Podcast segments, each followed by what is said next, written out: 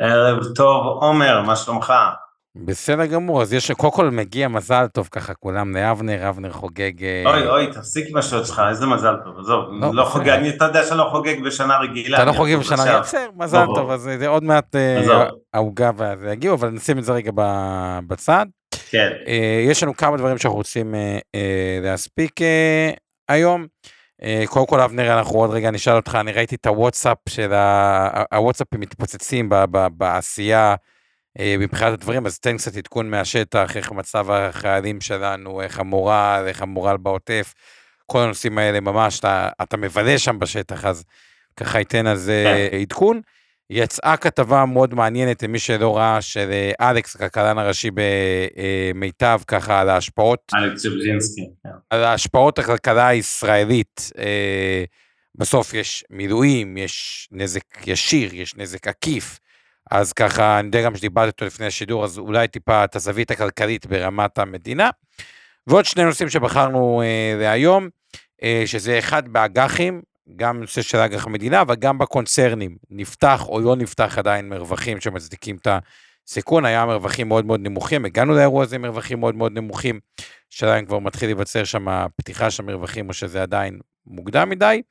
אה, וטיפה לדבר על הדואליות, שבינתיים הם... אה, יורדות, כי כל מה שקשור לישראל באשר הוא נראה תחת uh, התקפה, אז כנ"ל דואליות, למרות שככה דולר גבוה די טוב להם, כי משכורות בשקלים והכנסות uh, uh, uh, בדולרים, אז טיפה גם נרחיב על זה. אבל ככה לפני שנתחיל, בוא אבנר תן קצת, אתה, אתה מבלה הרבה בשטח, אז מה, מה, מה אתה מרגיש מהשטח? טוב, אז אני, אה, הפעם אנחנו נעשה את החלק הזה טיפה יותר קצר מפעם שעברה, אבל בכל זאת אני מתנצל מראש, לא מתנצל, אני שמח להגיד שהיום בכל זאת נתייחס לא מעט למה שקורה עכשיו. אה, אני אגיד ככה, בואו נחלק את זה רגע לחזית של הצבא והחזית של האזרחים. בחזית הצבאית, אה, כל המדינה במילואים פחות או יותר, אתם יודעים את זה, לא צריך אותי. הייתי אומר שהם כל עולם החוסרים של הציוד הצבאי הולך ונפתר, המורל מאוד גבוה, אני מסתובב הרבה בבסיסי צה"ל, הייתי כל היום על גבול לבנון, איפה שהיו במקרה כל הפצמ"רים, ביליתי אפרופו במקלט, ואז איזה חייל הבין שאני איכשהו קשור לשוק ההון, הוא לא יודע מי אני, והוא התחיל לשאול שאלות, אז התחיל כזה להתפתח שיחה, בבסיס צבאי שהיינו, ואז uh, עשיתי כבר uh, פודקאסט ספונטני לאיזה קבוצה של כמה עשרות חיילים, ועד הסוף הם לא ידעו מי אני בכלל, וזה בסדר, זה סתם חמוד כזה שהם התחילו אה, לשאול שאלות. אה, המורל סופר גבוה, אתם יודעים את זה, כל מי שיש לו בן, אח, אחות, ילדה, אה, הורה אה, שנמצא כרגע במילואים זה מדהים, אני סתם אתן אנקדוטה, הייתי באחד הקיבוצים על הגבול ואני פוגש את תת-אלוף גיורא ענבר, מי שזוכר אותו, היה מר לבנון נקרא לזה של הצבא, אז גייסו אותו כדי לעזור לאוגדה שם של הצפון. מדהים, הוא חונך שם את כל המ"פים והמג"דים הצעירים שזה מלחמה ראשונה עבורם, כולם באמת מורל פסיכי. בקטע הזה יצאתי מאוד אופטימי לא רק היום, אני כמעט כל יום בבסיסים, גם למטה בדרום ובעיקר בימים האחרונים בגליל העליון, הייתי במרגליות, אה, הייתי כאמור בגליל מערבי, בכל מיני מקומות, לא משנה, אה, בסך הכל בקטע הזה אני אופטימי. ובקטע של הציודים אני חייב להעיר, רמזתי לזה כבר בשבוע שעבר כשקצת אה, כיניתי את זה פסטיבל האפודים הקרמיים, היום אני רק יותר משוכנע כי אני רואה גם את הפער מלפני שבוע להיום כמה ציוד זורם לשטח ועדיין אנחנו כולנו מקבלים וואטסאפים של פלוגה זאת וזאת, חסר 30 אפודים קרמיים, 20 נעליים טקטיות, 30 קסדות טקטיות, 100 שעוני ג'יק צ'וק וכמובן לדרמן עם העולרים המפורסמים. אז אני רוצה קצת להרגיע. הצבא, להבדיל מ... עוד מעט נעבור לאזרחים, שם המצב אה, קשה אה, פי כמה, אבל הצבא, גם אם לקח לו כמה ימים, הוא מתארגן מהר על רכש, ויש סיבה שלא משנים את הכל לרמת יחידות הקצה עדיין. כל מי שנמצא באמת באמת באזורי סיכון, כמעט ללא יוצא מן הכלל, אני יכול להגיד לך מגבול לבנון וגם משטחי הכינוס המעטים שכבר זכו קצת לעשות פעילות בתוך רצועת עזה, היו כבר כל מיני דברים. אה, אף אחד לא נכנס בלי שכפ"ץ קרמי, אף אחד לא נכנס בלי ציוד אה, רלוונטי.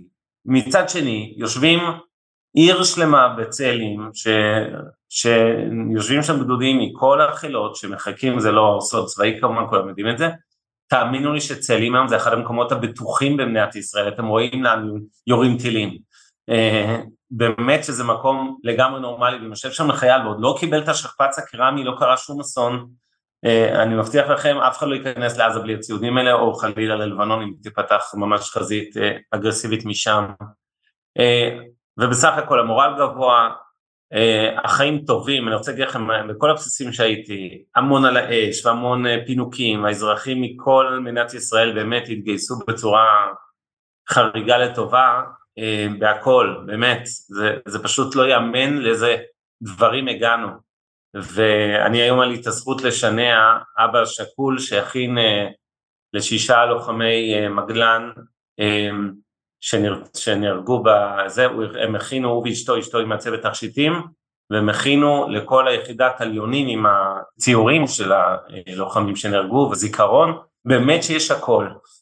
אז... אגב, סתם, שאלה צבאית... ויש מורל, וזה חשוב. הם מצליחים לשמור על ריחות גבוהה למרות כל הקטע שתמיד יש את הוויכוח להיכנס, לקטוש קודם מהאוויר וזה, אז... כן, אני רוצה להגיד לך, אין ויכוח, אין ויכוח, הפעם אין ויכוח. אני לא אגיד אין, אבל כמעט שאין. יש תמימות דעים, ובטח אצל החיילים, הם לא מתעסקים בשאלה הזאת של המחיר של הכניסה הקרקעית לעזה, ואם תהיה או לא תהיה, מניחים שתהיה, כולנו מניחים שתהיה, כנראה שחייבים שתהיה, וזה בסדר שבינתיים, כן, לא צריך להגזים, אני שומע כל מיני ביקורות על הצבא, למה מחכים, חבר'ה, כל יום שאנחנו קודשים אותם מהאוויר, זה פחות חיילים הרוגים בקרקע. אני מסכים. ב', עושים הרבה מאוד פעילות שטח מעבר לרק חיל אוויר, כבר נעשית פעילות, ב, בוא נגיד ברצועה הקרובה לגבול, בכל מיני הקשרים, אה, שמכינה כניסה קרקעית יותר טובה. הזמן הוא, הוא, הוא לטובתנו בינתיים, הוא לא לרעתנו, עם כל הכבוד, ולכן אני לא, לא חושב שזאת הבעיה. אה, אז המורל הוא עצום, הייתי היום שם לסיים את אה, חלק הצבא.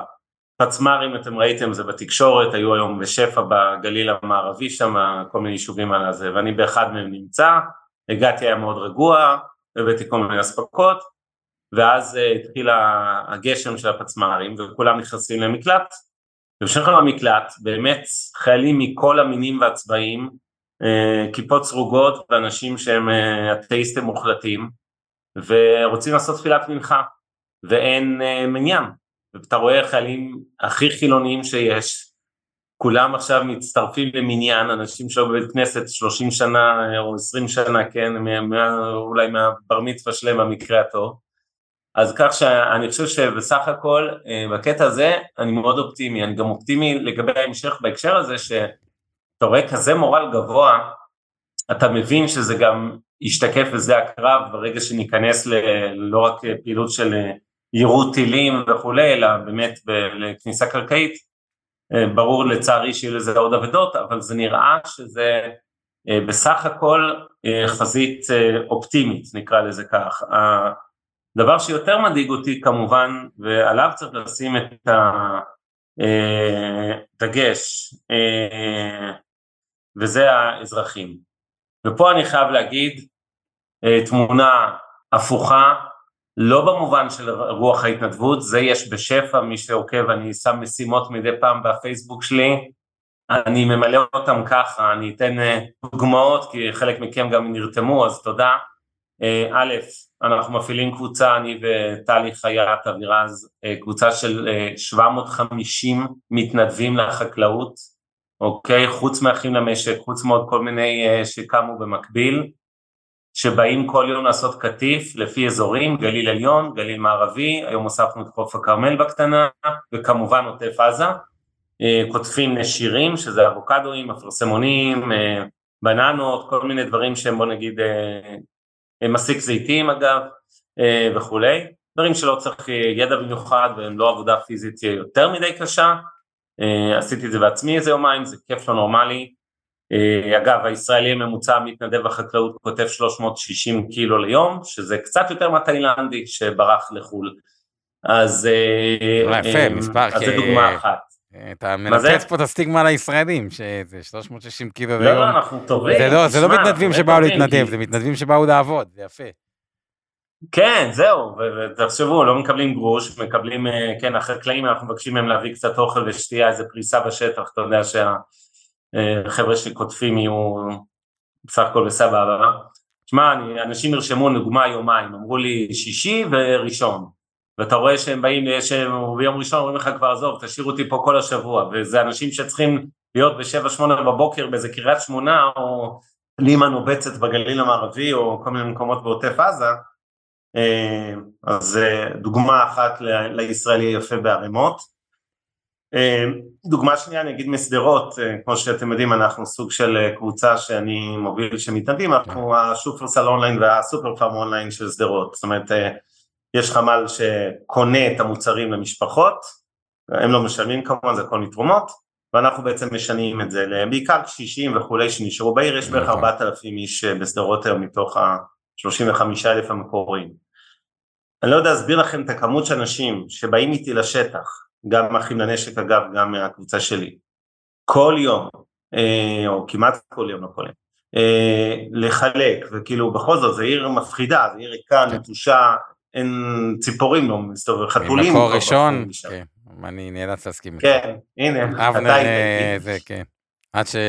אז זה פשוט מדהים לראות את זה, ואני אתן אה, אנקדוטה מאירוע ספציפי לפני כמה ימים, איכשהו הגיע אליי מאחד מכם איזה מידע על רופא בברזילי, אה, שעובד מסביב לשעון בברזילי, רופא בכיר בברזילי, שהוא מתגורר בשדרות, והבית שלו חטף פגיעה ישירה כבר ביום הראשון למלחמה, זאת אומרת ביום ראשון הכוונה אחרי השבת השחורה, ומאז חוץ מאיזה ססל, כן, חוט אדום כזה של אה, זירות רצח, אף אחד, כל הציוד בפנים, הוא מפחד מבוזזים, הוא מפחד מגשמים שאולי יגיעו.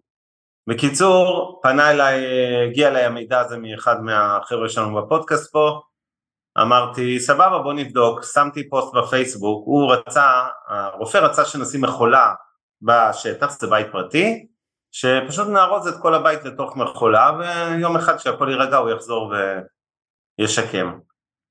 שמתי פוסט בפייסבוק שלי, שבע דקות אחרי זה מתקשר סמנכ"ל של צים להגיד יש לך מכולה בחינם, רבע שעה אחרי זה מתקשר לי איזה בן אדם מחברת אחסנה בפתח תקווה שאומר לי אני מוכן לעזוב אותך מכולה מצים, תביאו אליי את הסחורה, אני אחסן אותה בחינם בפתח תקווה, רבע שעה אחרי זה מתקשר חברת הובלות שאמר אני יכול לעשות לך את זה במחיר מאוד מאוד מצחיק, זה לא היה חינם אבל זה היה מחיר אה, צנוע, רוברט הובלות האלוף, וואלה אני כל אלה אני אזכור אותם אני אפרגן להם בענק אחרי המלחמה וכמובן המתנדבים, לא הייתה שום בעיה, באנו לשם בתשע בבוקר, פירקנו את הבית, תוך ארבע שעות העברנו בית גדול, אה, והבית כרגע כאמור במרכז, לא הבית, התכולה. אה, יש המון המון המון התנדבות, המון, אתם רואים מה קורה באקספו של אחים לנשק, עיר שלמה, לצערי בהכללה, היום האזרחים הפכו להיות, הייתי אומר, שילוב של פיקוד העורף, משרד הרווחה, משרד הבריאות. האמת, אה, באמת, כאילו, אני חייב רק להציע זווית הרבה, כי הרבה זה ביקורת על, המש... על הממשלה, אבל אני רוצה רק להגיד משהו אחד, שכאילו זה, מה שמאפיין את ישראל, זה למה אנחנו ה start-up nation וכו'. nation. לא, שיש בעיה, אז יודעים לפתור אותה, ואיכשהו זה מה שיצר את ההייטק ואת הדברים האלה, ובמבחן התוצאה זה עובד טוב בהרבה דברים, אמנם לגבי האזרחים ובגלל הממשלה, אבל זה, זה עדיין עובד, כלומר, הסיסטם עובד. הסיסטם עובד, אבל אני אגיד ככה, המחדל הגדול הבא בתור אחרי המחדל הצבאי מודיעיני שכולם ערים אליו, זה אה, המחדל האזרחי.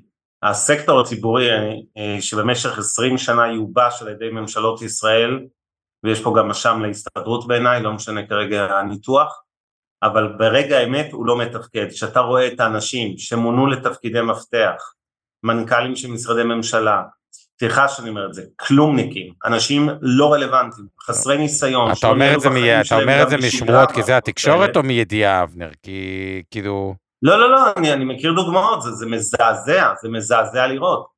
היום הם מתגאים בזה שסוף סוף העבירו 51 מיליון שקל בפועל, כן, לא באיזה החלטות תיאורטיות, בפועל לתושבי העוטף.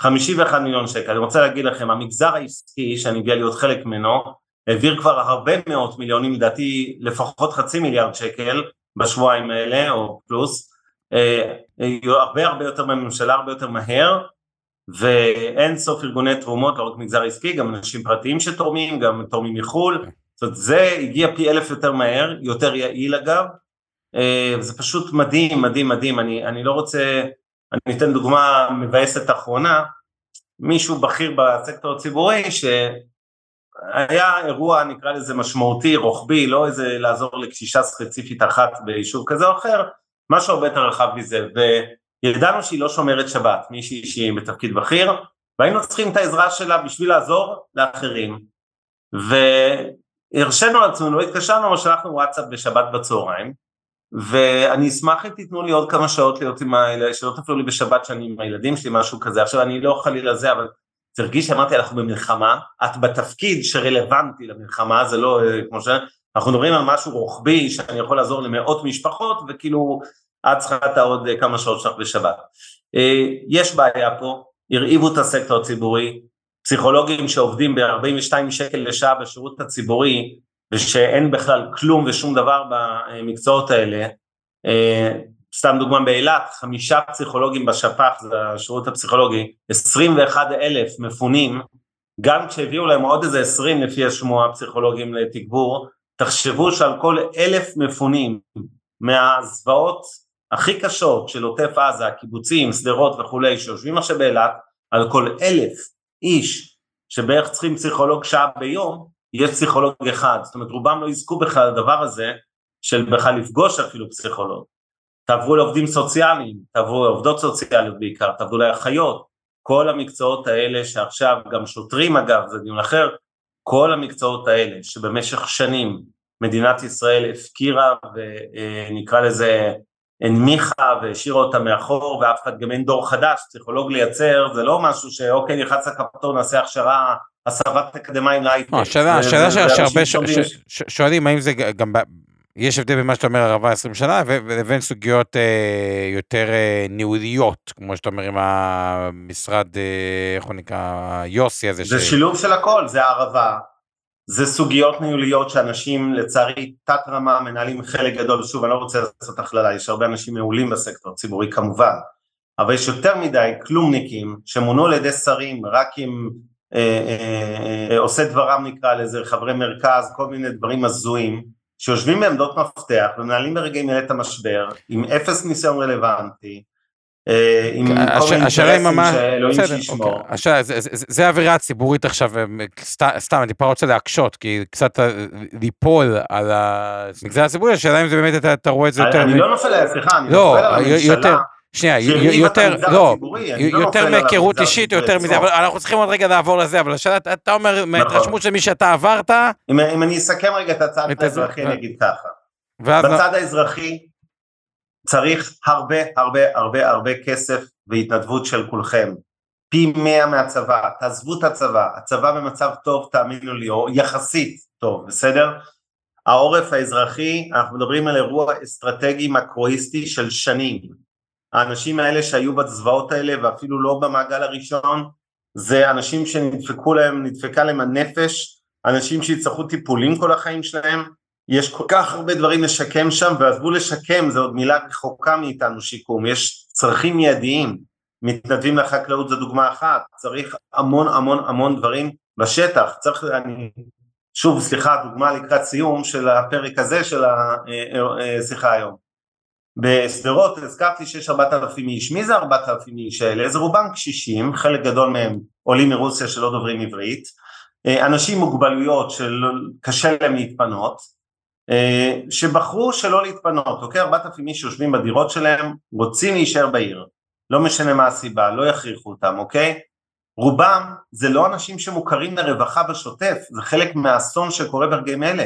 תושבי הקיבוצים בעוטף עזה אוקיי, רובם הגדול היו במצב סוציו-אקונומי סבבה ומעלה, כן, קיבוץ בארי הוא בבסיס שלו קיבוץ עשיר, אבל אז האנשים האלה זה לא אנשים שהיו מוכרים לרווחה ועכשיו שיש אירוע אז יש כל מיני אנשים ברווחה שיודעים שאני צריך להתקשר ללודמילה מכתובת איקס ולברר מה מצבה, אז, אז בכלל לא יודעים שהמצב שלהם רע, כי הוא באמת לא היה כל כך קודם, ואז מה קורה? האנשים האלה יושבים שם, מתקשרת אליי איזה מישהי שמתווכת בין איזה קשישה לביני ואומרת לי, בוכה לי בטלפון שהיא ארבעה ימים לא אכלה והיא רעבה.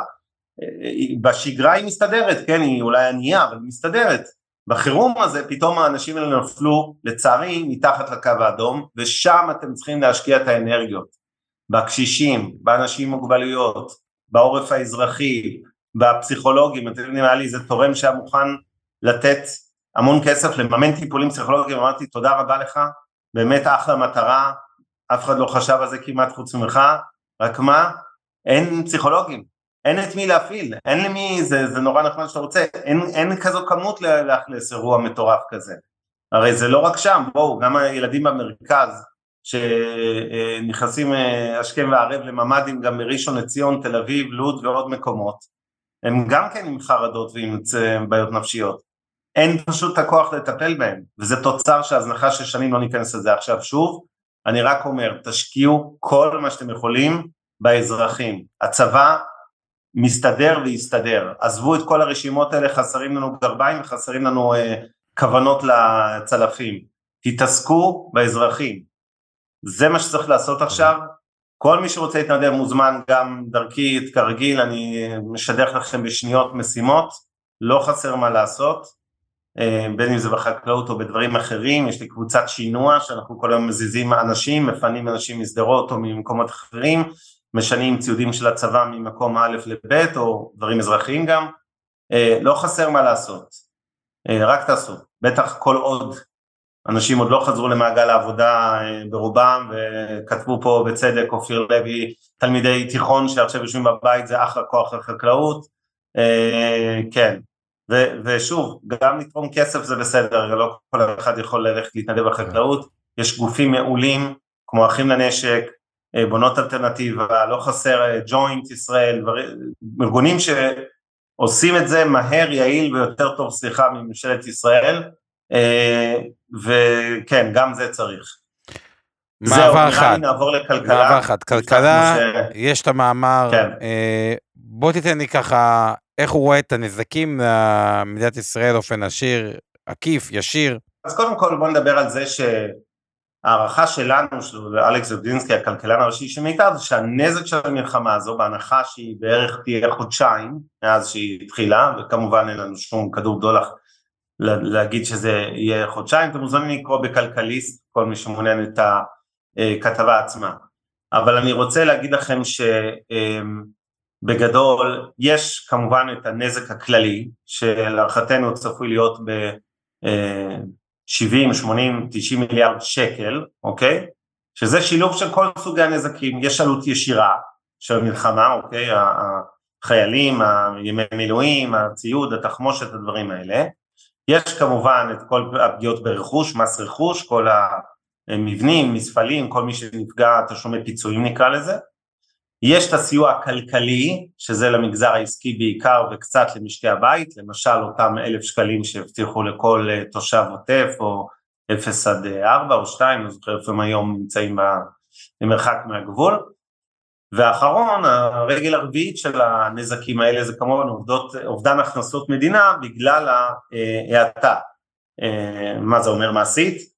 הישראלים קונים כרגע פחות 30 וקצת אחוז בכרטיסי אשראי, אגב ירידה חדה מאוד באונליין, אוקיי, רכישות אונליין שזה צריך גם מצב רוח בשביל זה, ירדו דרמטית, אז אנשים אה, לא קונים, אה, קונים הרבה פחות, זה אומר אובדן הכנסות ממיסים כמובן, זה פגיעה בתוצר של בערך שלושה אחוז, זה צמיחת המשק, כן, אה, שנה, יותר משנה שנמחקת ב...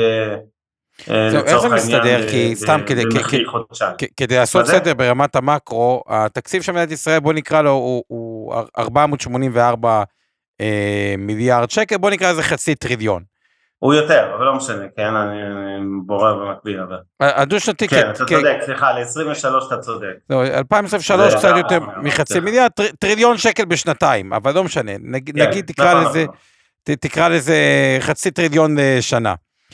כשאתה מדבר כן. על המספרים האלה, איך זה, כאילו, לדעתו, כאילו, זה, זה, על פניו נראה שהגירעון הוא כבר לא באזור ה-2-3 אחוז, זה כאילו יכול גם להיות גירעון גבוה מזה משמעותית, למרות שלא על זה מדברים בינתיים.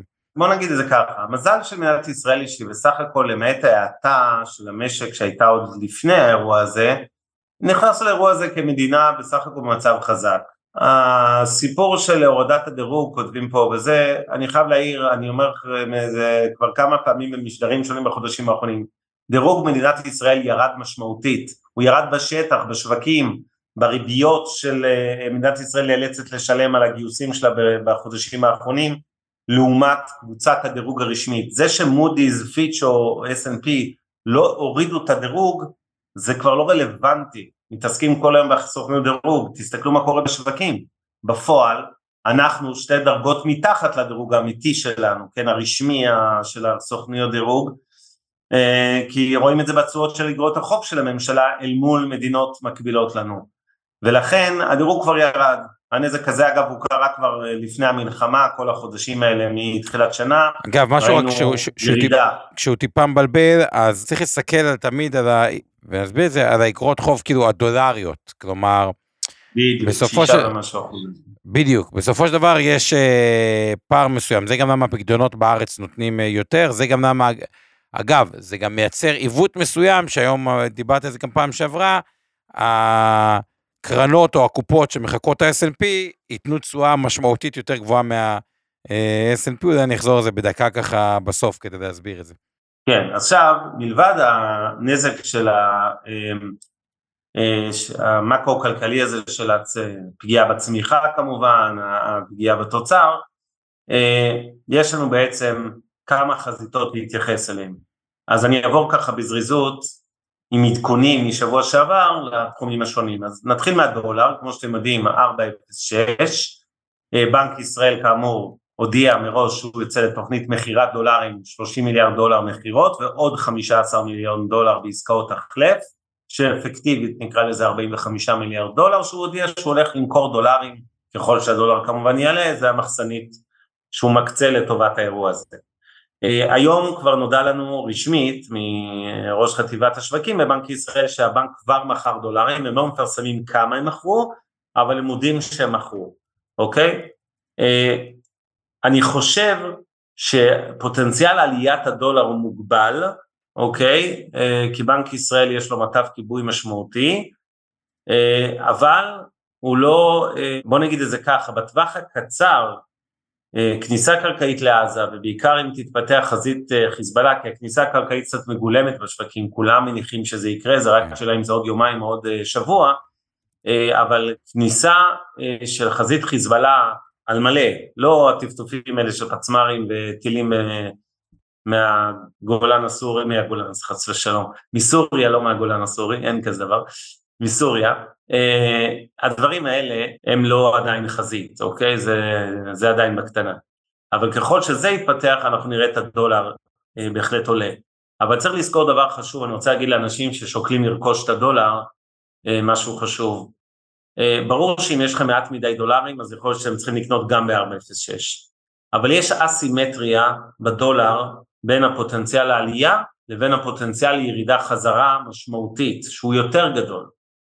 גם אם לא בטווח המיידי, תזכרו שנכנסנו לאירוע הזה של המלחמה כשהדולר כבר היה גבוה ב-30 ומשהו אגורות מהשער האמיתי שלו, אתם זוכרים שהראינו בעבר את הגרפים תמיד שמשווים ל-S&P 500 ומתאם מדויק אחד לאחד, המתאם הזה התנתק מ-4 בינואר, אז הדולר בהחלט התנתק, הוא היה גבוה ב-37 אגורות, לא זוכר כמה ביום כניסה למלחמה, אה, סביב הרפורמה.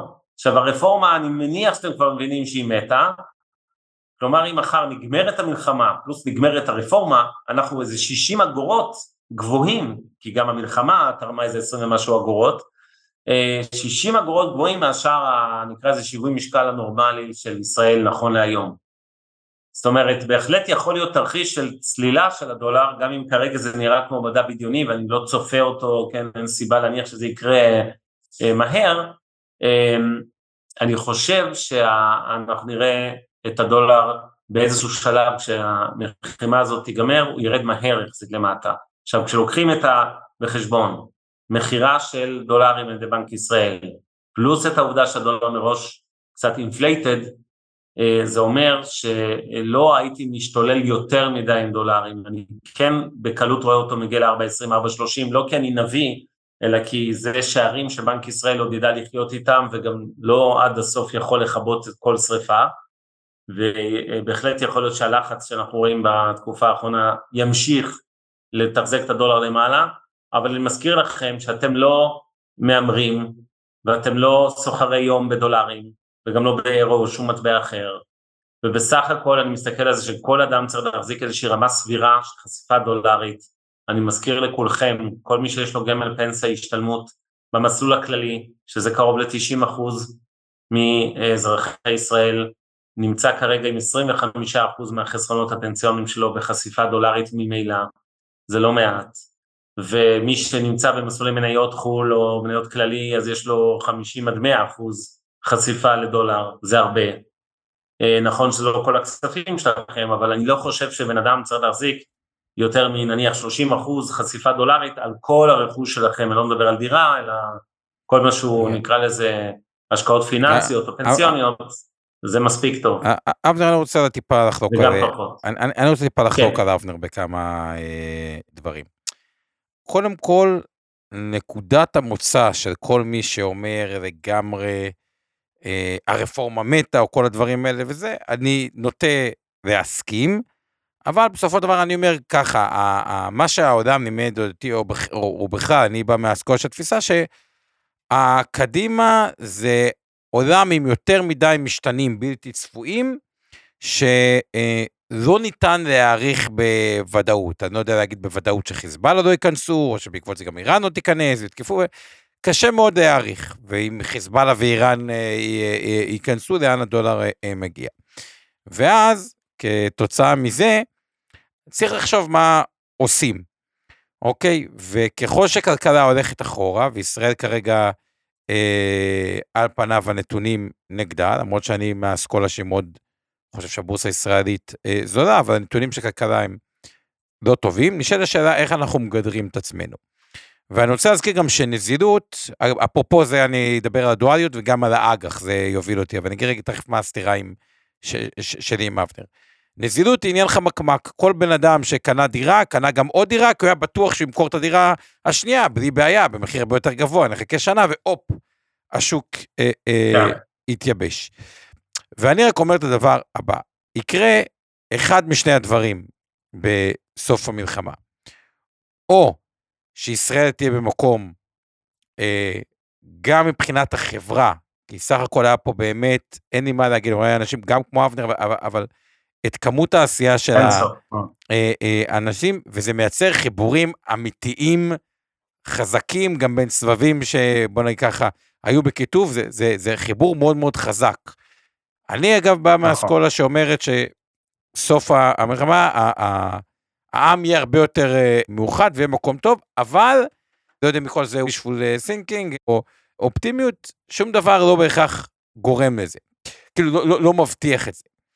ואז, מה שאני כן בטוח, שאם נלך לכיוון של דווקא חברה יותר מאוחדת בסוף המלחמה הזאת, ותחת הנחה של הסלמה שתהיה, אבל לא איזושהי הסלמה אה, קיצונית, אני חושב שהבורסה הישראלית וחלק מהמקומות זה הזדמנות של, לא רוצה להגיד once in, in, a lifetime, אבל מקום, נקודת כניסה מדהימה, עם הבטחת תשואות דו-ספרתיות אה, אה, שנים קדימה, בהרבה מאוד אה, אה, חברות, כי נקודת הכנוסה פה היא, היא, היא זולה, זה לא אולי 2003, שזה שיא האינתיפאדה, שבכלל היה ייאוש מישראל, אבל אה, לא יודע, ראיתי נקודה נוחה מאוד, אין מה לעשות, מדברים על הבנקים, לקנות בנק כמו בנק פועלים ב-0.75% על ההון העצמי, כשהוא מייצר תשואה דו-ספרתית, היא נקודה מאוד מאוד נוחה. מצד שני, אם בניגוד למה שאבנר אמר, יהיה גם תהליך לא טוב מבחינה פוליטית, הפעם זה יהיה הרבה יותר, אה, ועוד רגע נתייחס לעוד דוגמאות אה, שליאור מעבר לבנקים, כי זה קצת נדוש. אגב, נותנים את הבנקים לא כי זה זה, אלא כי הבורסה הישראלית היא לא הכי שכירה, אז לפעמים מפחיד לתת דוגמאות על חברות יותר אה, קטנות, אבל באזורים האלה יש גם חברות שלדעתי הן הרבה יותר מעניינות מהבנקים, מכפילי 5, 6, 7 על הרווח, עם צמיחה גבוהה, עם פעילות עסקית שהיא לאו דווקא אשראי, ושיש שם אפסייד אה, דו-ספרתי, אגב, גם חלק מהדואליות מאוד מאוד uh, מעניינות. אבל, אני רק אגיד את זה, אם הפעם נלך לתהליך לא טוב מבחינת החברה הישראלית, אחרי שקרה המקרה הנורא הזה, אה, אז זו סיטואציה שהיא, שהיא לא טובה, ושם אני לא יודע אם הכוח של בנק ישראל ידע אה, אה, לעזור לזה, או שזה ילך כאילו הליכה, באמת איזושהי הליכה אחורה מתוך איזו תחושת שנמאס לי כאן, אני לא יודע, אני נותן הסתברות הרבה יותר גבוהה לתרחיש הראשון מהתרחיש השני. ולכן, לתפיסתי לפחות זה מה שאנחנו עושים באינבסטור, יש פה מקום ללכת על שני הקצוות, כלומר שאנחנו נהיה מוגנים בכל סיטואציה. אחד, בסוף אין מה לעשות. ה snp שהוא דוגמה קלאסית למוצר דולרי, שאם יהיה פה טוב, אה, אנחנו כנראה נפסיד על הדולר, אפילו אני חושב שיכול להיות הפסד די משמעותי לכיוון השלוש וחצי, אה, שאנחנו מדברים פה על ירידה של, לא יודע, מעל 10%, איפשהו בין 10-15%, ויש גם השקעות אלטרנטיביות ויותר השקעות אה, מעניינות על הדולר. מה הבעיה עם התרחיש שאבנר אומר?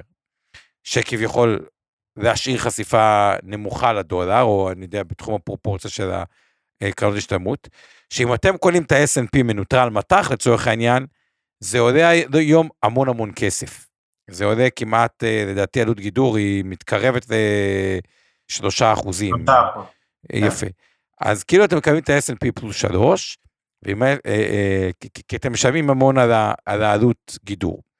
והפתרון שלנו, וזה מעביר אותי רגע לאג"ח ולדיוט, היא אולי להימנע מאג"ח בישראל, כי אני לא חושב שיש פה עדיין אפסייד מספיק משמעותי, אם כי אני כן אציין שהספרדים התחילו להיפתח, אוקיי? אבל כן להיות במניות ישראליות, אפילו להגדיל טיפה מניות ישראליות, על חשבון אג"ח או על חשבון כספיות, כי במקרה שהתרחיש הראשון שדיברנו עליו, שאני מזכיר, קצת יותר התקרבות פוליטית בסוף האירוע הזה, אה, והחברה הישראלית הראתה כמה היא טובה, והיא באמת חברת אה, מופת. אני לא חושב שיש עוד עם בעולם שהיה מצליח להקים תשתית אזרחית עם מענה כזה כל כך מהר כמו במדינת ישראל. אין דברים כאלה.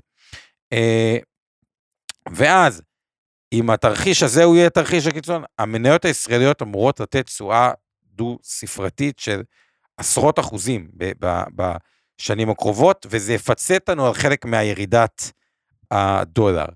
אבל אם אין את התרחיש הזה, אני חושב שבנקודה הזו בשוק הישראלי כבר אין יותר מדי downside, יכול להיות שעוד תהיה איזושהי ירידה בשוק הישראלי, אבל לא עד כדי כך, והרבה מהחברות היום, גם בתחום הדיבידנד, הם גם אותו דיבידנד מאוד גבוה שיכול לפצות על זה, אבל תרוויחו על זה כתוצאה אה, מעליית הדולר, שאולי עוד טיפה אה, יעלה אם נלך איזה תרחיש פחות סימפטי, אה, ותהיו חש... עם יותר חשיפה לנכסים דולרים, וגם אם הדולר לא יזוז הרבה, תחסכו את השלושה אחוז גידור בשנה. בואי תתייחס לנקודה הזאת, אבנר. כי בגדול, מה אתה אומר לאנשים? תיקחו פוזיציה מגודרת, S&P מגודר מטח, או דברים, לפי מה שאתה אומר, אם אתה רוצה להישאר עם חשיפה דולרית נמוכה.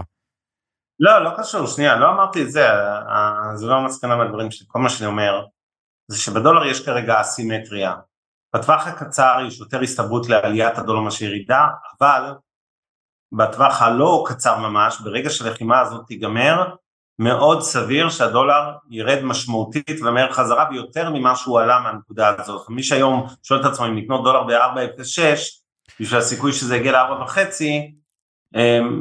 עלול לשלם אה, את הסיכון של ירידה של 15 אחוז, כן, של 15 אחוז. אה, עכשיו, כל מה שאמרתי, כל אחד צריך להיות בחשיפה דולרית סבירה, אין ספק שהיום, ואנחנו רואים את זה כבר חודשים עוד לפני האירוע הזה של 7 באוקטובר, שצריך להיות בחשיפה יותר גבוהה מהרגיל, אבל יותר גבוהה מהרגיל זה 25-30 אחוז, זה לא 50, 70 או 100, לא, כן? ברור, ברור. אני לא חושב שאנשים צריכים להיכנס לזה היסטריה של לרוץ. אז מי שהיום נמצא בחשיפה נמוכה מדי, לא צריך לעשות חשבונות של קורא בקלפים, של אולי רגע אני אחכה שהדולר ירד מ-4.06 ל-3.92 ואז אני אכנס.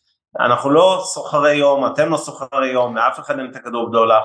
אתם אמורים להחזיק, הסיכונים לא ייגמרו גם אם הלחימה תיגמר מחר בבוקר, אה, יש לנו עוד כמה עניינים פה ויש אה, יש, יש עוד כל מיני דברים, יש סיכון לכלכלה כמובן, מעבר לטווח המיידי שהוא כבר מתממש, אה, ולכן בהכללה צריך לא, כן, להסתר על הדולר ולהחזיק יחסית שיעור יותר גבוה של החזקות דולרים. וזה הזמן, okay. אוקיי. אני עושה רגע את הערת האזהרה השבועית שלנו.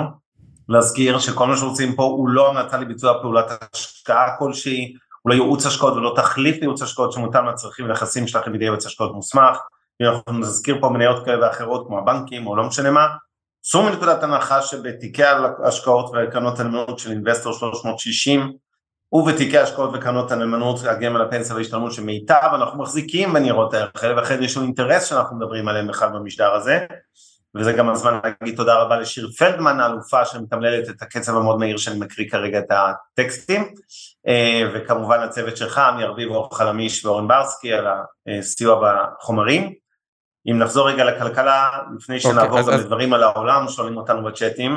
אז רגע, אז אני כן רוצה, אז בוא נעשה רגע את כן. המנה העיקרית, את האג"ח והדואליות, אני אעשה את זה יותר... אה, אה, רגע, רגע, אז תן לי רק לגמור כמה מילים על כלכלה, אוקיי. נעבור לאג"ח ודואליות, ואני אהיה זריז. ריבית, בנק ישראל כידוע לא הוריד את הריבית, זה היה הצפי לחודש אוקטובר, האם דיברתי איתכם בשבוע שעבר על זה שאני יכול לראות דווקא שינוי מגמה חיובי, כלומר יותר מהר הורדות ריבית, זה עדיין נכון, אבל זה אה, אחרי הנאום של אה, הנגיד אתמול, שלשום, אני כבר איבדתי את האתמול, מדין את הלוחות זמנים במלחמה הזאת, אה, נראה שזה לא באמת יקרה, זאת אומרת, יש סיכוי להורדת ריבית עוד בדצמבר כזה, אבל רוב הסיכויים שזה יהיה ינואר-פברואר, וזה כדי לתמוך במשק, אוקיי?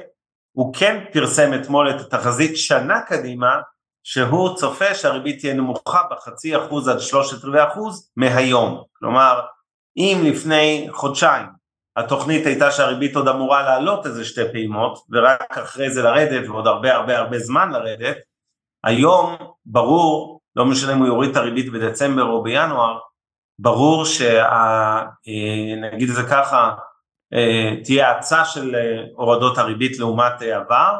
שוב, לא דרמה, אני לא חושב שהריבית תחזור גם אם האירוע הזה ייגמר מחר בבוקר וגם אם הוא יימשך עוד חצי שנה, הריבית לא תחזור מהר לריביות מאוד נמוכות, אבל לפחות, בוא נגיד ככה, הכיוון הזה של התחלת הורדות הריבית נראה יותר מהיר מאשר היה צפוי לפני המלחמה הזאת. אני אגיד ש... לגבי אה, אה, עוד מילה אחרונה ואז נעבור לאג"ח וזה שאני רוצה להתייחס לנושא ענף הנדל"ן והבנייה. כי אם יש מוקד רעש אחד מרכזי כרגע במשק הישראלי זה זה, זה בעצם ענף שהוא בבעיה נוראית. מצד אחד עמוס בחובות, זה ענף שהוא מאוד ממונף תמיד כל שנה בטח בשנים האחרונות גם חקלאי אה, קבלנים דגרו על לא מעט קרקעות וכולי וחלק מהם נרכשו עם מימון בנקאי. אז פעם אחת יש להם בעיה של חובות, פעם שנייה אין פועלים כמו שאתם יודעים, אז אם אה, לחקלאות מתנדבים אנשים במקום התאילנדים, אה, בבנייה זה לא עובד ככה, בינתיים לפחות, אולי עוד רגע יהיה גם אחים לנדל"ן, אבל כרגע זה, זה, זה אנשי מקצוע, זה לא קטיף שכל אחד יכול לעשות, ומי ששאל פה בצ'אט עדיין רלוונטי, מוזמנים לפנות, אני אשים את הלינק להתנדבות החקלאות בצ'אט עוד מעט.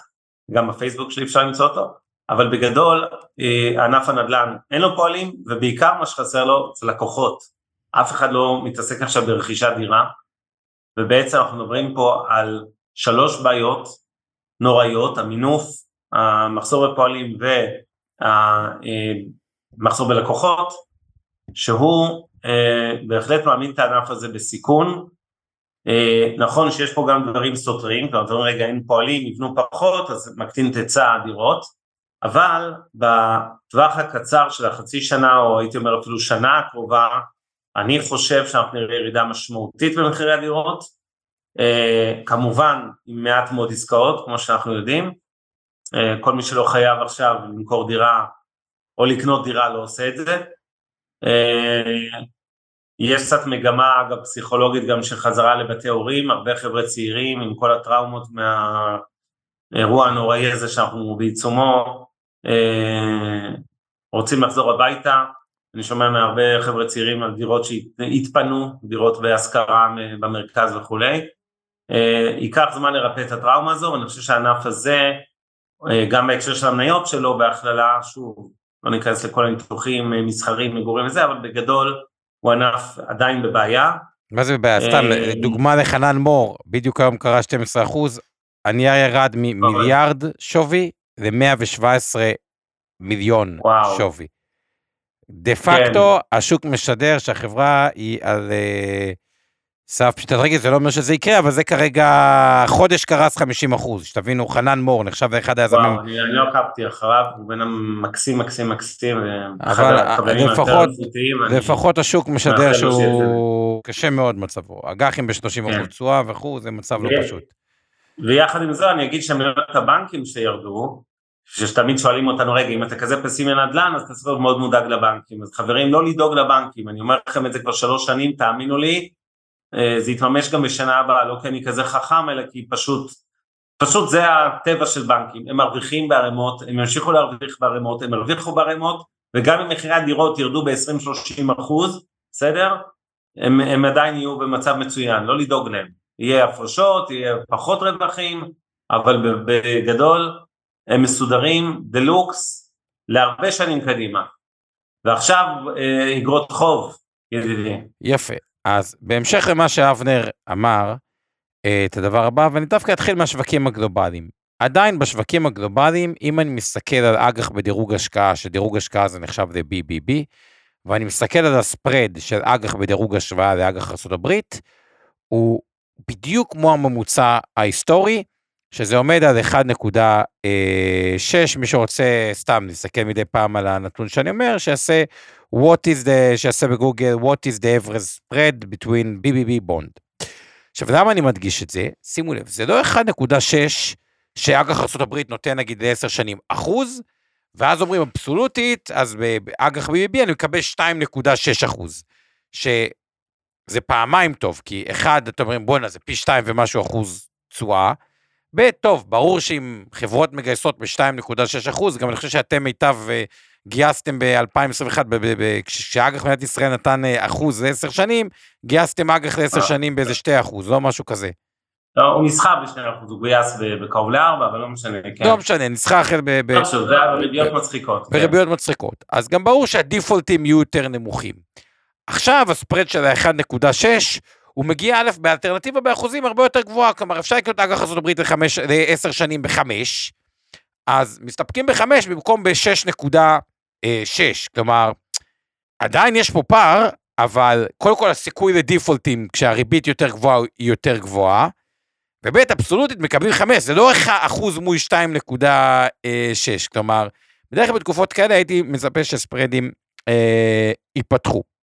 אז בחו"ל עדיין לא נראה לי, ואם אני צריך להמליץ ללקוח היום בין uh, תשקיע, תגדיל אג"ח קונצרני uh, לבין אג"ח ארה"ב ארוך, uh, אני חושב שהגאונות uh, uh, באג"ח היא לנצל את אותם uh, עשרה ימים, ולא נעים לי להגיד, זה בדרך כלל עשרה ימים, חודש, יכול להיות משבר גדול חודשיים, שבהם באמת הספרדים מאוד מאוד נפתחים בעקבות משבר נזילות, ובשוטף דווקא להיות יותר רגוע, סבבה, לא רוצים אג"ח מדינה, אפשר לקחת אג"חים בטוחים, זה לגבי הנושא של חו"ל.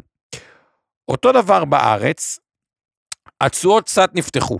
כלומר, התשואות בארץ, הפתיחה הייתה מאוד מאוד, אה, המרווח היה מאוד מאוד נמוך, אה, והוא קצת עלה, המרווחים. אה, יש אפילו בעולם הטלבונד תשואות, אם אני אסתכל עליו, רק כדי להבין, זה המדד הטלבונד 60, שהתשואה בו הייתה מאוד נמוכה מעל אג"ח ממשלתי, כבר המרווח נפתח לשתיים, אה, בעיקר בתקופה ממש האחרונה, שני אחוז כאילו הוא נותן מעל אג"ח אה, אה, מדינה, אבל עדיין, בהתחשב בטלבונד אה, תשואות, טלבונד תשואות שקלי כבר נותן 9.92, שזה מרווח של 5.85, שזה אג"חים יותר בעתים. אבל עדיין, בהתחשב במה שאבנר אמר, שבארץ הרבה מאוד מהאג"חים, אה, נכון שיש גם אג"ח בנקים שהוא יותר, יותר סולידי, אבל הרבה מאוד הם סביב עולם הנדל"ן. ואני כן חושב שבסיטואציה מסוימת, של בוא נגיד ככה, התארכות המלחמה, אין פועלים, ענף הנדל"ן, שהוא אחד מצרכני האג"ח הגדולים, שיכול להיכנס לסחרור. ואני כן יכול לראות את המרווחים עוד יותר נפתחים, וכרגע לפחות אני אומר לאנשים, זה כאילו מרגיש לי לקפוץ טיפה מוקדם מדי להגדיל את הקונצרני. מה גם, השוק הזה טיפה מוחזק באופן מלאכותי על ידי המוסדים, ואני רוצה להסביר למה אני אומר את זה באופן מלאכותי. אנחנו חזרנו על זה, בהתחלה אמרנו שעלות הגידור היא 3%. זה אומר, אם מוסדי צריך לקנות אג"ח ארה"ב, וכיום המוסדיים נמצאים בערך על כמעט 25% חשיפה דולרית, בעוד 50% מההשקעות שלהם הם השקעות חוליות, כלומר יש גידור של 25% מהכסף, זה אומר שאם הוא קונה אג"ח ארה"ב שנותן 5 ורוצה לגדר אותו לשקלים, אמיתי אג"ח ארה"ב נותן לו 2%, שזה פחות מאג"ח מדינת ישראל. זה למה המוסדי יעדיף את אג"ח מדינת ישראל לפעמים על פני אג"ח הברית. או יעדיף, אם יש לו אג"ח בנקים שנותן אחוז מעל מדינת ישראל, כלומר ארוך ייתן לצורך העניין חמישה אחוזים לעשר שנים, הוא יעדיף אותו כי, כי בשביל לקבל תשואה עודפת באג"ח אמריקאי, הוא לא צריך לנצח חמש, הוא צריך לקחת אג"ח שנותן שמונה אחוז, בהתחשב ביהדות הגידור. ולכן המוסדים שהם בסוף רוצים לשמור על פרופורציה מסוימת בין אג"ח לבין אה, אה, מניות, בהגדרה, כל שוק אג"ח חו"ל, בהינתן עלויות הגידור היום שהן קרובות ל-3%, אה, אבל גם לא היום, אז ירד קצת, יהיה 2%, אז יש להם הטיה מובנית לאג"חים ישראלים. ובגלל זה עוד לא ראינו פה פתיחות משמעותיות, ותזכרו, ישראל היא אחת המדינות עם החיסכון ארוך טווח, גם היום יחסית לגודל האוכלוסייה, כי התחלנו את כל הרפורמות הסופר מבורכות של החיסכון חובה לפנסיה מוקדם, גם בהינתן הפיצויים, גם בהינתן ההשתלמות, ישראל, מבנה השכר בארץ, ישראל היא מהחסכניות הגדולות בעולם, כלומר, יש סכום כסף אדיר שכבר מנוהל, מה שמראש, כשיש יותר כסף, מוריד את התשואות כלפי מטה, ובנוסף לכסף הזה, גם הכסף השולי שנכנס מדי חודש הוא מהגבוהים בעולם. כלומר, גם זה איזושהי הפחתה בצורה טיפה מלאכותית, מעלה אה, אה, את הביקוש לאג"חים ישראל, ישראליות, ולכן לדעתי, השוק פה עדיין, אה, אגב, זה משהו שיימשך, כלומר, זה, זה משהו שאמור להיות סיסטמטי. אני חושב שבהתחשב שכל הסיכונים שגלומים, עדיין אפשר להיות מעט יותר דפנסיביים אה, אה, באג"חים הישראלים. אגב, אין בעיה להאריך מח"מ כבר. כשאג"ח ארה"ב לעשר שנים נותן חמש, אין בעיה להאריך מח"מ. אגב, גם באג"ח מדינת ישראל הארוך, אולי יש מקום בגלל גיוסים שאולי התשואה עוד יותר uh, תעלה, אבל בגדול אין ערך מח"מ. פשוט אני חושב שבקונצרנים. עכשיו, מי שבכל זאת הולך לקונצרנים, אומר קצת ספרדים נפתחו, בטווח הקצר אני לא רואה חברות גדולות, הם יצליחו להתגלגל, אבל ככל שמעריכים יותר, בסיטואציה מסוימת שכרגע אה, אנחנו חושבים שהיא לא סבירה, אז בסיטואציה מסוימת יכול להיות אה, איזה שהן בעיות. נגיד, אף אחד לא מעלה על דעתו ששופרסל יכולה לפשוט את הרגל, אבל אני גם לא חושב שזה תרחיש סביר, אבל כשלחברה יש חוב, והיא ממונפת, ועלות הגיוס של מדינת ישראל תעלה, מה שאומר עלות הגיוס חוב שלה תעלה, והדולר עולה, ותזכרו, היא חברה שהיא קונה את המוצרים בדולרים, ולא כזה קל לגלגל לצרכן והכלכלה, פתאום אפשר למצוא בכל מיני דברים שאף אחד לא חשב שיקרו, כמו שחנן מור לא חשב שממיליארד שקל שווי חברה הוא יגיע לסף פשיטת רגל, והסיכון הזה, בגלל שלא חושבים את זה, הוא, הוא, הוא לא נותן איזה תשואה עודפת, עדיין, ולכן, גם עם זה, תזכרו, הקריסות הן לפעמים לא מאוד מהירות, ויש המון דוגמאות לזה, ולכן, אם כבר הולכים לספרדים באג"ח קונצרני, הייתי הולך על הקצר, אבל בגדול אני עדיין חושב שעדיף להיות קצת יותר קונסרבטיביים, אליך אבנר איך הטייק שלך, ואז נעבור לדואליות. אז בגדול עם הסיפור של אג"ח אני די מסכים איתך, אני עוד לא רואה, תראה, יש הזדמנויות ספציפיות, אני, אני דווקא לא רוצה להתייחס היום כי אסור, אבל אה, אתם יודעים, כשיורד גשם כולם נרטבים, ומה שקורה כרגע זה שבאמת אה, יש ירידות חדות אה, באגרות החוב ועלייה בתשואות שלהן, כתוצאה מהירידות במחירים בכל, כמעט בכל הטווח, בכל תחום, בכל סקטור, ובדרך כלל בגלל שזה מאוד רוחבי אז כן יש הזדמנויות ספציפיות בכל סקטור של איזה שתיים מתוך עשר או חמש עשרה חברות שמצבם הרבה יותר טוב והתשואות סתם משקפות נכון, פחד מוגזם. אבל בהכללה אני מסכים עם כל מה שאמרת, זה לא התקופה לצעדי מציאות, אלא אם כן אתם ממש מבינים, מכירים מאוד מאוד לעומק חברה מסוימת ומרגישים נוח עם איגרת החוב שלה. אה, ניתוח פיננסי מעמיק זה לא, אה, רוב כן. המשקיעים לא מגיעים להתעסקויות הזו ברמת המיקרו של חברה ספציפית. אבל מלבד אחוז לא, לא גדול של הזדמנויות משמעותיות בעולם האג"ח הקונצרני, בהכללה אני מסכים עם מה שעומר אמר, לא מספיק אטרקטיבי שם עדיין בשביל אה, להסתער על התחום הזה. אגב, זה, זה לא שמי שלא קונה היום עסקה טובה, אני כבר הסרתי את ההתנגדות שלי גם מערכת הקונצרני, גם להעריך מח"מ. אני עדיין חושב שמי שעושה את זה, אין לי בעיה עם זה, אבל פחות בפינות. כלומר, לא, לא להיות המתחכם שלוקח דווקא את האלה עם התשואה מאוד מאוד גבוהה, פשוט לקבע תשואות, במח"מ אפשר בינוני, בחברות טובות.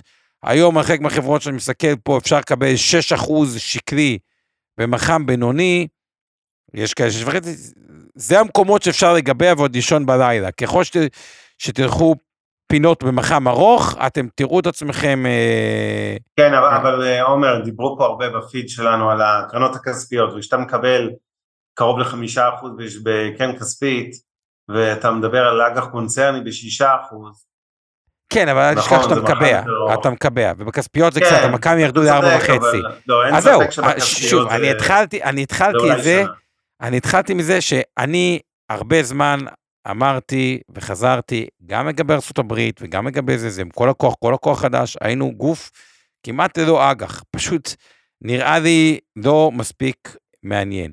וכרגע, אני חוזר על זה כבר אה, אה, שנה, גם הכוח של זה, נשאלת שאלה שהיא אמיתית, האם עדיף לקבע לעשר שנים בחמש, בפיקדון לחמש שנים לעשר שנים, כלומר שהריבית הממוצעת תהיה פחות מחמש שנים, או ללכת על הקצר ולקבל טיפה אה, יותר. כן. אני רק אומר את הדבר הבא, אני מקבל את הטיעון להאריך מח"מ, אני חושב שיש בזה היגיון, אני חושב רק שלא הייתי עדיין לוקח פה פינות, כלומר אם הייתי עושה את זה, זה מאוד בסלקטיביות, כמו שאבנר אמר, קיצר, אני ואבנר די מסכימים על הנושא הזה, בוא נעבור נכון. לדואליות. בוא, כמעט לקראת אוקיי. סיום, אז אה, אני רוצה להתייחס לדואליות, יש לנו עוד כמה שאלות בנושאים אחרים, אחרי זה נעשה מרתון זריז בסוף.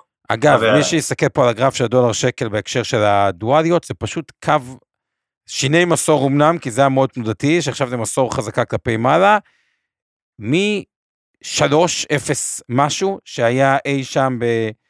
אה, סוף 2021, שכולם אה, כמעט קידדו כל אחד שנתן להם השקעה דולרית, ולא משנה מה היא עשתה, אמרו כן, אבל אה, רק שקל, רק שקל, רק שקל. קו ישר ל-4.06, שזה מה שעולה מאוד בחדות, אני מסכים שיש איזה סיכון. אבל, אני רוצה לקחת פה כמה דוגמאות, דווקא מצד המניות, שזה מעניין. ונתחיל מהדואליות, דווקא מהמלכה הגדולה, הגדולה ביותר, נייס. אה, אנחנו לא מושקעים, בוחנים אותה, עוד לא השקענו בה, אבל כדי להבין את זה. נייס הגיע למשבר הזה, ואז זה כמה אה, אה, דוגמאות.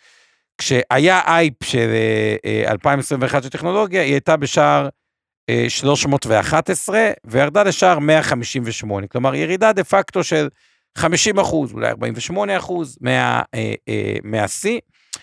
כשהמכפיל העתידי שלה הוא 18. עכשיו, מה הנקודה? מה שקרה פה, וזה השוק לא מתמחר אולי, או אמריקאי קשה לו לתמחר, זה כל הדואליות, ההכנסות בדולרים, וחלק מההוצאות הם בשקלים. והמרג'ין, הרווח התפעולי, כתוצאה מזה אמור לגדול מעט.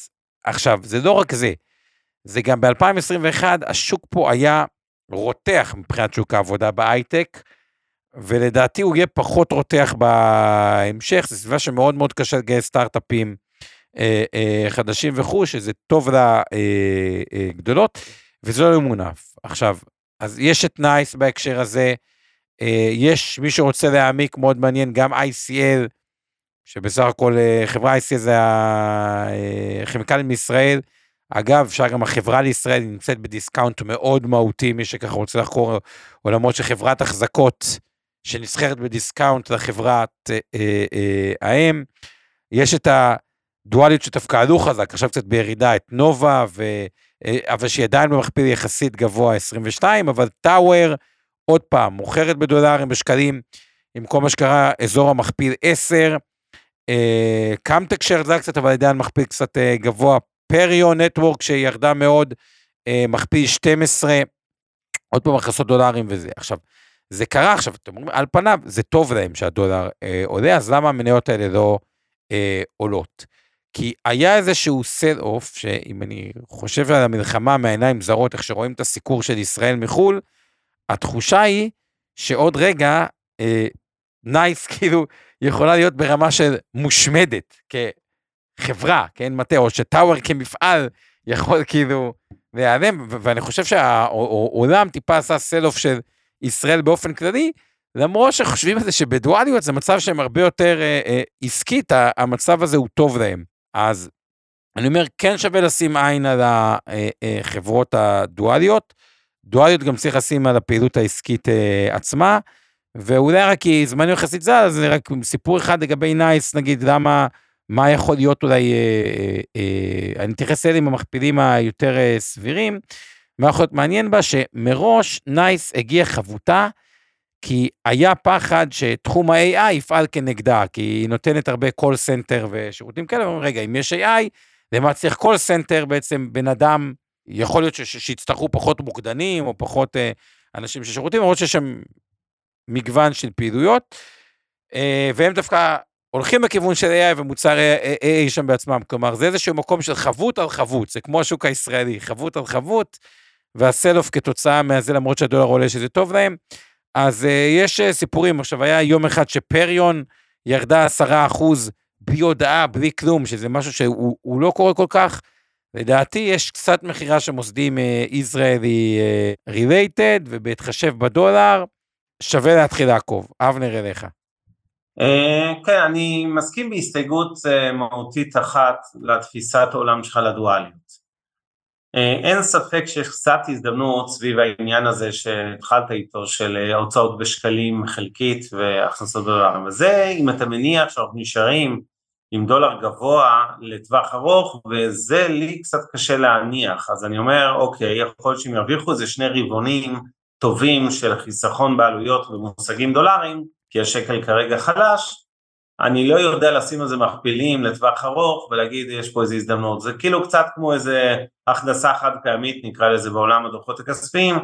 ולכן בקטע הזה אני אה, קצת פחות מסכים איתך, בקטע שאני יותר מסכים איתך זה באמת שההוצאות לא, אבל בדרך כלל שיש לך הכנסה חד פעמית גבוהה אז אתה אומר טוב השוק אה, מתגמל על זה ופה השוק יש לך כאילו את זה והשוק נתן לך איזה אה, עונש כי אתה קשור לישראל לא, ולו בדרך עקיפה. אני, שוב, בשורה התחתונה אני מסכים עם המסקנה שלך טיפה פחות עם הדרך, זה בדיוק מה שאני אומר, ברור שהחברות האלה חטפו יותר מדי נקרא לזה אפקט ישראל ביחס למה שהם באמת נפגעו, שלא לומר בטווח קצר אפילו הרוויחו, אבל אני כן מסכים שלמשל עלויות כוח אדם אה, בחברות האלה בסביבת הייטק שבמשבר כבר תקופה, נקרא לזה שלושה שלבים למשבר, היה את המשבר של 21 הגלובלי, היה את המשבר הישראלי של 23, 21, סליחה, אוקטובר 21 עד אה, ינואר 23 זה המשבר הגלובלי, ינואר 23 עד אה, אוקטובר השחור זה המשבר הישראלי, ועכשיו זה המשבר המלחמתי אה, שלנו, ש, שרק יעצים את זה, ובסוף הייטק סופג פה ברצף אה, כנראה לפחות שנתיים וחצי שלוש קשות מאוד, מיעוט סטארט-אפים בהחלט יסייע בהורדת עלויות כוח אדם לחברות הגדולות, אנחנו יודעים מה היה פה בשנים הטובות של הייטק בעלויות כוח אדם, אז ברור שבהקשר הזה, וזה כן להבדיל רווח לטווח ארוך, זה לא רווח חד פעמי מזה שהדולר כרגע גבוה ולא בטוח שיישאר גבוה, אבל אז בסוף השורה התחתונה אני מסכים מה שאתה אומר, אבל אה, בוא נגיד את זה ככה, אה, יש גם קצת פרמיית סיכון סבירה, היא פשוט היום מוגזמת, אבל צריכה להיות איזושהי פרמיית סיכון סבירה לאותן אה, חברות הישראליות מול ה-peer competition, מול החברות באותו המתחרות האמריקאיות או האירופאיות שלהם, אנחנו אמורים טיפה כן לספוג, נקרא לזה מכפיל טיפה יותר נמוך, אבל לא משמעותי ואין ספק שהיום החברות האלה חטפו יותר מדי. וזהו, נראה לי שמיצינו להיום. בהערה, רק לגבי מי ששאל, כן. תעקבו, פיננסים, אה, יכול להיות מעניין, דיברנו הרבה על הבנקים, גם זה אחד, הגז ונפט, כאילו לא רע, אגב, לדעתי החברות המובילות בענף הטכנולוגיה, חילן, וואן, גם ירדו ודברים כאלה, סך הכל חברות טובות שידעו להציף איך ומכפילים סבירים, בטח איזה טכנולוגיה בחו"ל.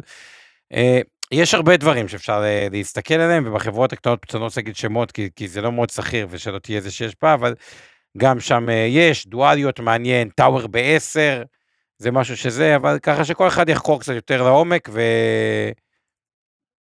וכו', ונראה לי די סיימנו באמת, אבנר. אז תודה לכולכם, תמשיכו, ניפגש שלישי הבא, תעשו טוב, תעשו טוב, זה חוזר עם ריבית, אני נשבע לכם, באמת, תזכרו שאמרתי, מבטיח. אמ, זהו, ניפגש, ומי שרוצה להצטרף לקומנדו שלי, תמצאו אותי בפייס או בוואטסאפ, אתם כבר מכירים את המספר, הוא די פומבי, גם בפייסבוק שלי אני שם את הטלפון. אה, יש מיליון משימות, חקלאות, מיליון דברים, בואו לעזור, זה יהיה כדאי. ומזל טוב לאבנר, לילה טוב. אוי ואבוי את האמון. לילה טוב. מעוניינים ללמוד יותר על עולם ההשקעות? האזינו לפודקאסטים נוספים שלנו. המשקיענים, אבנר סטפאק ועומר רבינוביץ' בתוכנית אקטואלית עם כל מה שחם בעולם ההשקעות. אינבסטור 360 Live, אורן ברסקי ועומר רבינוביץ' מארחים את בכירי שוק ההון ומבינים את הטרנדים החשובים לשנים הקרובות.